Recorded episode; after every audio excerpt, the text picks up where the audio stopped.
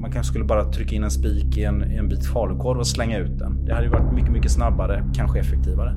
Här finns ju någonting liksom där själva processen tar många timmar liksom, innan man kan då eventuellt skada ett djur. Det är liksom någonting som är eh, märkligt med den psykologin. De små brödbullarna har blivit hundplågarens kännetecken. De är inte mer än ett par centimeter stora och verkar vara hembakta. Inuti är de fyllda med sylvassa metallbitar eller glasskärvor. Metallbitarna är noggrant klippta, som små stjärnor eller propellrar. Men det här lilla hantverket, vem är det som gör det? Vem har eh, orken att sitta och pilla utan att skära sig? I det här avsnittet av Spårhundarna tar vi hjälp av både kriminologiprofessorn Leif GW Persson och av FBIs profileringsexpert Mark Sufferick. Jag tror att det är en ensam man, cirka 50 år kanske. Han, har, han driver någon sån där form av verksamhet. Och så har han gripits av en våldsam rättshaveristisk förbannelse och börjar agera på det där viset. you have somebody that's continuing month after month, year after year, engaging in this behavior around the city of Malmo. I think it's the process for this individual that is important. It's the design and the building and the baking. Och hundplågaren har berättat om sina dåd. Det är FBIs profileringsexpert säker på. In mass murder cases, in spree killings, even in serial murder cases, individuals leak information. I spårhundarna tar vårt reporterteam upp jakten på hundplågaren. Tillsammans med experter, hundägare och er, poddens lyssnare, försöker vi lösa mysteriet. Vem är det som terroriserar Malmös hundar? Du lyssnar på Sydsvenskan Dock. Jag heter Sally Wahlstedt. Det här är Spårhundarna, del 4. Gärningsmannaprofilen.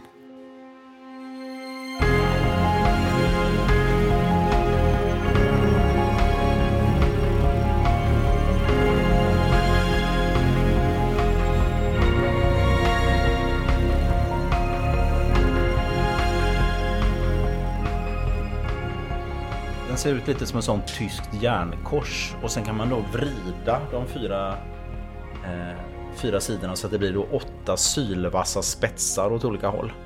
Det är ju, den är ju gjord för att den ska göra maximal skada och göra så ont som möjligt. Det här är min kollega Dan Ivarsson. En av reportrarna i Spårhundarna-teamet. Han, Maria Lovén och jag är hemma i Joakim Palmqvists kök för att försöka ta reda på hur det går till när hundplågaren tillverkar sina farliga bullar. I sin hand håller Dan en liten spetsig metallbit i vitt och blått. Den kommer från en förpackning med vitost och är klippt på ett särskilt sätt. Metallbitar precis som den har dykt upp inbakade i bullar runt om i Malmö de senaste åren.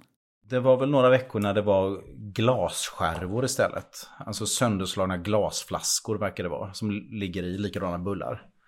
Och sen så började det dyka upp de här vassa metallföremålen. Den första noteringen av bullar med metallföremål klippta i kors som har kommit till polisens kännedom. Det var den 16 mars 2021. Just den här metallbiten hittade Dan och Joakim i Pildammsparken på platsen där welshterriern Bruno fick i sig flera farliga bullar. Det berättade vi om i första delen av den här poddserien. De små metallbitarna är noggrant utklippta. Därefter är de inbakade i små brödbullar. Hundplågarens metod verkar tidskrävande. Joakim Palmqvist igen. Om det är så tidskrävande, då är ju själva bakandet en del av, av eh, psykologin bakom det hela. På köksbänken ligger en mängd olika verktyg uppradade. Bredvid står en burk vitost från märket Jaila. Privatspanaren Niklas Krig, som driver sajten trygghund.nu, lyckades efter en hel del detektivarbete lista ut att det är bitar från just den här sortens burk som har hittats i vissa bullar. Metallbiten som vi hittade i Pilansparken kommer från en likadan burk. Just den här sortens vitost säljs på ett flertal butiker runt om i Malmö. Ja, det är rätt färg, det ser ju varenda Ja, människa. det är ju ett pussel Mm. som läggs. Den Där, där biten passar in perfekt. Lite, ja. Där tror jag. texten Mm. är hel. Ja. Så där, den har varit på exakt en sån här burk. Och hunden Bruno som vi träffade också. Det var ju tre såna här bitar som hittades och opererades ut ur hans mage. Och det var också från en sån här vitostburk. Och då tror jag att det var från själva innehållsförteckningen som de såg att det stod vitost. Och det var efter det som man kunde räkna ut vilken burk var det. Vi har bestämt oss för att själva testa hundmarodörens tillvägagångssätt. Kanske kan det ge oss några nya ledtrådar i jakten på gärningspersonen. Den här plåtsaxen trodde du skulle vara bra Joakim. Ska vi se. Ja. Är inte så van med att klippa i plåtburkar måste jag erkänna. Det kan bli hur snett som helst.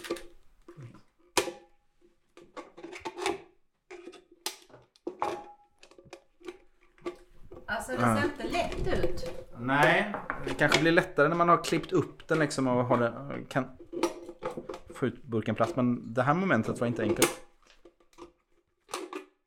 Det visar sig vara svårare än vi trott. Det tar 12 minuter innan Dan ens har fått loss en något sånär jämn rektangulär bit som vi kan dela upp i mindre bitar. Men det är uppenbart någon som är bättre på metallslöjd än vad jag är. Så mycket kan vi säga. Dan klipper ut små kvadrater. Men metallbitarna som har hittats i brödbullar runt om i Malmö är klippta och böjda fler gånger än så. För att skapa åtta sylvassa spetsar. Joakim testar att lägga fler snitt i de små fyrkantiga bitarna. Plötsligt ser formen bekant ut. Det blir, titta! Det blir för sjutton en sån direkt. Det är precis en sån stjärna som man såg att, som, som Bruno hade i magen. Men metoden är helt klart tidskrävande. Att tillverka en sån här omgång brödbullar med vassa metallgrejer. Man har ju att göra några timmar tänker jag. Om man ska göra 50 eller 100 sådana bullar. Först klippa plåten och sen göra degen och grädda dem. Det är ett ganska envetet arbete bara för en enda omgång bullar. Vi behöver hjälp för att kunna lägga pusslet.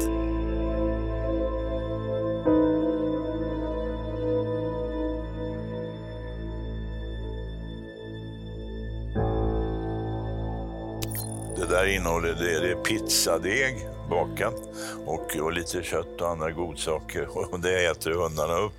Och så får de i sig på köpet såna här sönderklippta konservburkar och liknande. Och det är inte bra för deras magar. Kriminologiprofessorn Leif GW Persson har på avstånd följt fallet med hundplågaren i Malmö. I TV4s Nyhetsmorgon lägger han ut sin teori om vem som ligger bakom dåden. Jag tror att det är en ensam man, cirka 50 år kanske. Han, har, han driver någon sån där form av verksamhet. Eh, hundägare har låtit sina jyckar bajsa på gatan utanför hans verksamhet. Han har skickat in anmälningar till polisen om detta. De har man naturligtvis omedelbart skrivit av och så har han gripits av en våldsam rättshaveristisk förbannelse och börjat agera på det där viset. I kontakt med spårhundarna utvecklar Leif GW Persson sin gärningsmannaprofil ytterligare. Han har inte själv granskat några anmälningar. Han bygger sin profil på information från olika medier och på tidigare kunskap från alla de rättsfall han satt sig in i under sitt yrkesliv. Joakim Palmqvist igen. Det han gör här, det är någonting som kallas abduktion. Det är sådana slutledningar som Sherlock Holmes höll på med. Man vet någonting. Det finns bullar, de ser ut på ett ungefär det här sättet eh, och det finns metall i dem. Någon vill komma åt hundar och då går man tillbaka till sin erfarenhet. Vem vill skada hundar? Ja, det är en man, för det är de utövar våld och flera sådana parametrar. Så vill jag påstå att eh, professor Persson resonerade. Hej, Ulf Kristersson här. På många sätt är det en mörk tid vi lever i. Men nu tar vi ett stort steg för att göra Sverige till en tryggare och säkrare plats. Sverige är nu medlem i Nato. En för alla, alla för en. Vi är specialister på det vi gör, precis som du. Därför försäkrar vi på Swedea bara småföretag, som ditt. För oss är små företag alltid större än stora och vår företagsförsäkring anpassar sig helt efter firmans förutsättningar. Gå in på swedea.se företag och jämför själv. I sin beskrivning av gärningspersonen är Leif GW Persson detaljerad. Han skriver till spårhunden att han ser framför sig en man i 50-årsåldern med lokal anknytning. Så här beskriver kriminologiprofessorn mannen. Han driver en matvarurörelse, typ pizzeria, kebab, gatukök, liten restaurang. Och han har vid ett flertal tillfällen hört av sig till polisen med klagomål mot alla dessa svennebanan som rastar sina hundar utanför hans butik. Samtliga klagomål har avskrivits omgående och det polisiära bemötandet har gjort honom till aktiv rättshaverist och fått honom att besluta att ta saken i egna händer. Leif GW Persson säger att han tror att hundplågaren har utländsk bakgrund, fru och tre utflugna barn. Han drar även in geografisk profilering i sitt resonemang. Han menar att hundplågaren bor med sin några år yngre hustru i en trerumslägenhet inom en radie på cirka en kilometer från dådens epicentrum. Att marodören är en person som tröttnat på hundbajset i stan är en teori som dyker upp ofta. Även bland Malmös hundägare och bland tipsen som strömmar in till spårhundarna. Malmöbon Stephanie Jönsson är matte till Kenzo och Apache. Jag kan tänka mig att det är någon som har irriterat sig på att det är mycket som det har varit mycket hundbajs utanför eh, restauranger eller ställen och så vidare. Eh, och att det är folk som inte plockar upp efter sig som gör att det har blivit en, en sån här eh, reaktion. Spårhundarna bestämmer sig för att undersöka det här närmare. Maria begär ut samtliga klagomål till kommunen som rör hundbajs. Det visar sig ha gjorts hundratals anmälningar de senaste åren. Det vi kan se i materialet är att det är inte en och samma person som anmäler extremt många fall av eh, klagomål eller som klagar extra mycket. Det finns ju såklart anonyma eh, tipsare eller klagomål och där kan vi inte se, men det vi kan se är platserna som det rör sig om och de är spridda över hela stan. Många hundägare vi pratar med tror att hundplågaren lider av psykisk sjukdom. En av dem är Emily Englesson vars sambo hittade farliga bullar under en morgonpromenad. Nej, jag tror det är en psykiskt sjuk människa som hatar hundar, som vill ha mindre hundar i samhället. Frida Frejli, matte till den drabbade welshterriern Bruno, vågar inte gissa huruvida gärningspersonen är en man eller kvinna, gammal eller ung. Men hon hoppas att det är en person och inte flera. Men om det är en person, så att den eh, behöver hjälp, ja, att det är ett väldigt destruktivt sätt. Liksom. Det, man kan likna det vid att liksom lägga ut glas i sandlådor eller liksom liknande. Det, det är ett väldigt destruktivt liksom, handlingsmönster. Teorierna kring hundplågaren är många och svaren få. Det har blivit dags för oss att ta in ytterligare hjälp. Den här gången från en profileringsexpert på FBI.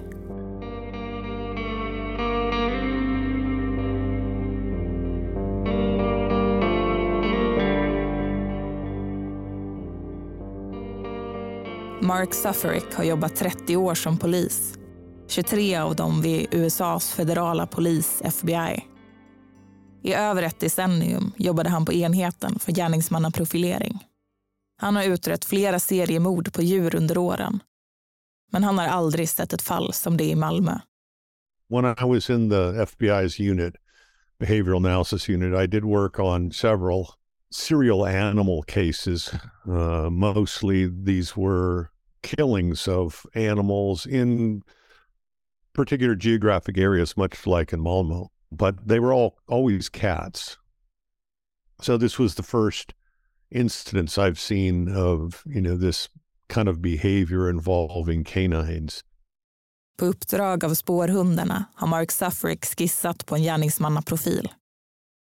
Han har fått tillgång till flera olika kartor över dåden och summeringar av de mer än 150 polisanmälningarna som gjorts de senaste åren. Mark Suffrick tror inte att marodörens mål är att döda hundar. Det är processen av att baka bullarna, klippa till de små stjärnorna och sprida ut dem som är det viktiga. the fact that he's done this for so long and has not actually killed an animal is, I think, an interesting dynamic. So I'm not sure that he's actually interested in the death of the animal, as I think for this individual, the process is more important. Ett stort fokus på processen är ofta ett tecken på att gärningspersonen plågas av psykiska problem. Mark Suffolk har sett liknande drag hos andra seriebrottslingar. I think for this individual, like others that I've seen, especially with serial uh, killers, the process that they use, the way that they think about things, and the preparation that goes in is equally important and exciting for these offenders. Min kollega Julius Viktorsson är inne på samma spår. Från början kan det nog ha funnits en, en uppriktig ilska gentemot hundägare och, och eh, mot alla hundar som, som skitar ner. Men nu kanske det har gått över till någon form av kick och att man gör det för sakens skull. De senaste fynden pekar ju också på det att, att man lägger ut det mitt på gatan eller liksom mitt på en cykelväg där det är, man ser bullarna från flera meters håll. Det känns mer som en, en, en uppvisning mer än att man faktiskt genuint vill, vill skada en hund. Det blir nästan som ett performance. Statistiken talar för att hundplågaren är en man. Men Mark Suffolk utesluter inte att förövaren kan vara en kvinna. All of the serial offenders I've seen have been uh, serial animal abusers or animal killers have been males. So probably a male. You can't rule out a female, but I but you know statistically probably a male. Gärningspersonen tycks vara bekväm och röra sig ute ensam på natten. Det är en av detaljerna som skulle kunna peka på att hundplågaren är en man. Dan Ivarsson igen. Den här plåtsaxen är det som får mig att tänka att det kanske är en man ändå. Att för mig är det manligt kodat, men ja, vi har bråkat om detta många, många gånger. Är det en man eller är det en kvinna? Spårhundarnas Joakim Palmqvist har sedan starten lutat åt att hundplågaren är en kvinna. Alltså det är en kvinna. Kvinnor stryper och förgiftar. Passivt aggressiva så att säga. Men skjuter och spränger. Nu är vi jätteschablonmässiga, men, men schabloner, manligt och kvinnligt, det bygger ju ändå på erfarenhet tidigare händelser. Så att utgår man från det så hittar vi ju de här båda spåren. Men det är ändå någonting. En kvinna, äldre, ensamstående, har alltså mycket tid på sina händer och kan göra konstiga saker i sitt kök. Kanske med ett intresse för konsthantverk.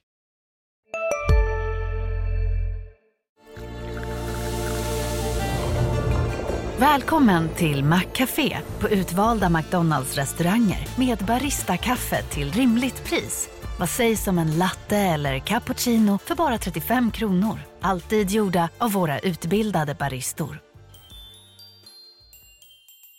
Hej, Synoptik här. Hos oss får du hjälp med att ta hand om din ögonhälsa. Med vår synundersökning kan vi upptäcka både synförändringar och tecken på vanliga ögonsjukdomar. Boka tid på synoptik.se. Vårt experiment i Joakims kök har lett till vissa slutsatser. Det är ju någon som bor ensam. För man kan inte förklara för resten av familjen varför man bakar sådana här dödliga bullar stup i kvarten. Och dessutom risken att eh, någon annan i familjen tar en. Men en stor fråga är fortfarande obesvarad. Vad är det som driver hundplågaren? Men alltså jag tror det är terror. Den här människan får en bekräftelse och makt genom att kunna säga jag kan göra vad jag vill. I det här lilla. Jag kan göra vad jag vill mot era hundar. Jag kan hålla er i skräck. På så sätt är det ju terror. Hela eller delar av befolkningen hålls i skräck. Även om de politiska motiven saknas här, vad vi kan se. Det är ju någonting som känns tvångsmässigt i det. Att man fortsätter att göra så här på nästan exakt samma sätt eh, hundratals gånger under flera års tid. Det borde ta rätt mycket tid också. Jag tänker att för den här personen så är det någon slags terapi eller ritual. Kanske dämpa någon form av ångest eller så. En sak är i alla fall profileringsexperten Mark Suffolk säker på. Hundplågaren läcker information. in like a lot of cases that we see in all kinds of things, in mass murder cases, in spree killings, even in serial murder cases, um, individuals leak information. Det behöver inte betyda att hundplågaren fullt ut har erkänt sina dåd för någon. Men ofta vill den här sortens brottslingar på något sätt berömma sitt eget arbete. They weave pieces of truth into the lies. We call that leakage. So they will leak information to people around them. I mean, he could say something like, uh, "Wow, that must take a lot of work," you know, and the, you know, it's a very focused, uh, you know, attempt at doing this. He must be very good at it. In other words, there's sort of these backhanded compliments he gives to himself and to the activity. Kriminologiprofessorn Leif GW Persson har tagit fasta på degen och burkarna som har använts i sin analys av hundplågaren. Förutom burken med vitost har metallbitarna även kunnat spåras till en burk med tomatpuré från det egyptiska märket Dandy. Vi har försökt spåra burken men hittills har vi inte kunnat hitta den i någon affär i Malmö. När vi ringer upp Dandys exportchef säger hon att de inte skickar burkar till södra Sverige. I sociala medier har degen och burkarnas innehåll lett till teorier om att hundplågaren skulle kunna jobba som pizzabagare. Det spåret är även Leif GW Persson inne på. Men det, där finns tydliga tecken på att den här personen har anknytning till någon eh, pizzeria, gatuköksverksamhet. Sydsvenskan Dock fortsätter jakten på hundplågaren. I nästa avsnitt av Spårhundarna djupdyker vi i några av huvudspåren. För att analysera bulldegen tar vi hjälp av en doktorand på LTH och den legendariska bagarmästaren Jan Hed. Det är en vetedegsvariant. Så det är mjölk och smör och jäst och så det är en ganska traditionell deg. Va? Det är ju ingen eh, större bakkunskap antagligen. Dessutom går vi till botten med ett rykte som hållit i sig i flera år. Hundplågaren i Malmö är en tant. Det är flera personer på sociala medier och i vissa polisanmälningar som pratar om att de har sett en tant som har eh, lagt ut den här eh, maten. Och bland hundratals polisanmälningar hittar vi en som har något unikt. Det enda kända fotot av en misstänkt. Han var så som bestämd, som att han var i ett mission. Hade ingen respekt för att jag kommer med en stor amstaff på 35 kilo, utan han skulle in i hundraskåden innan mig.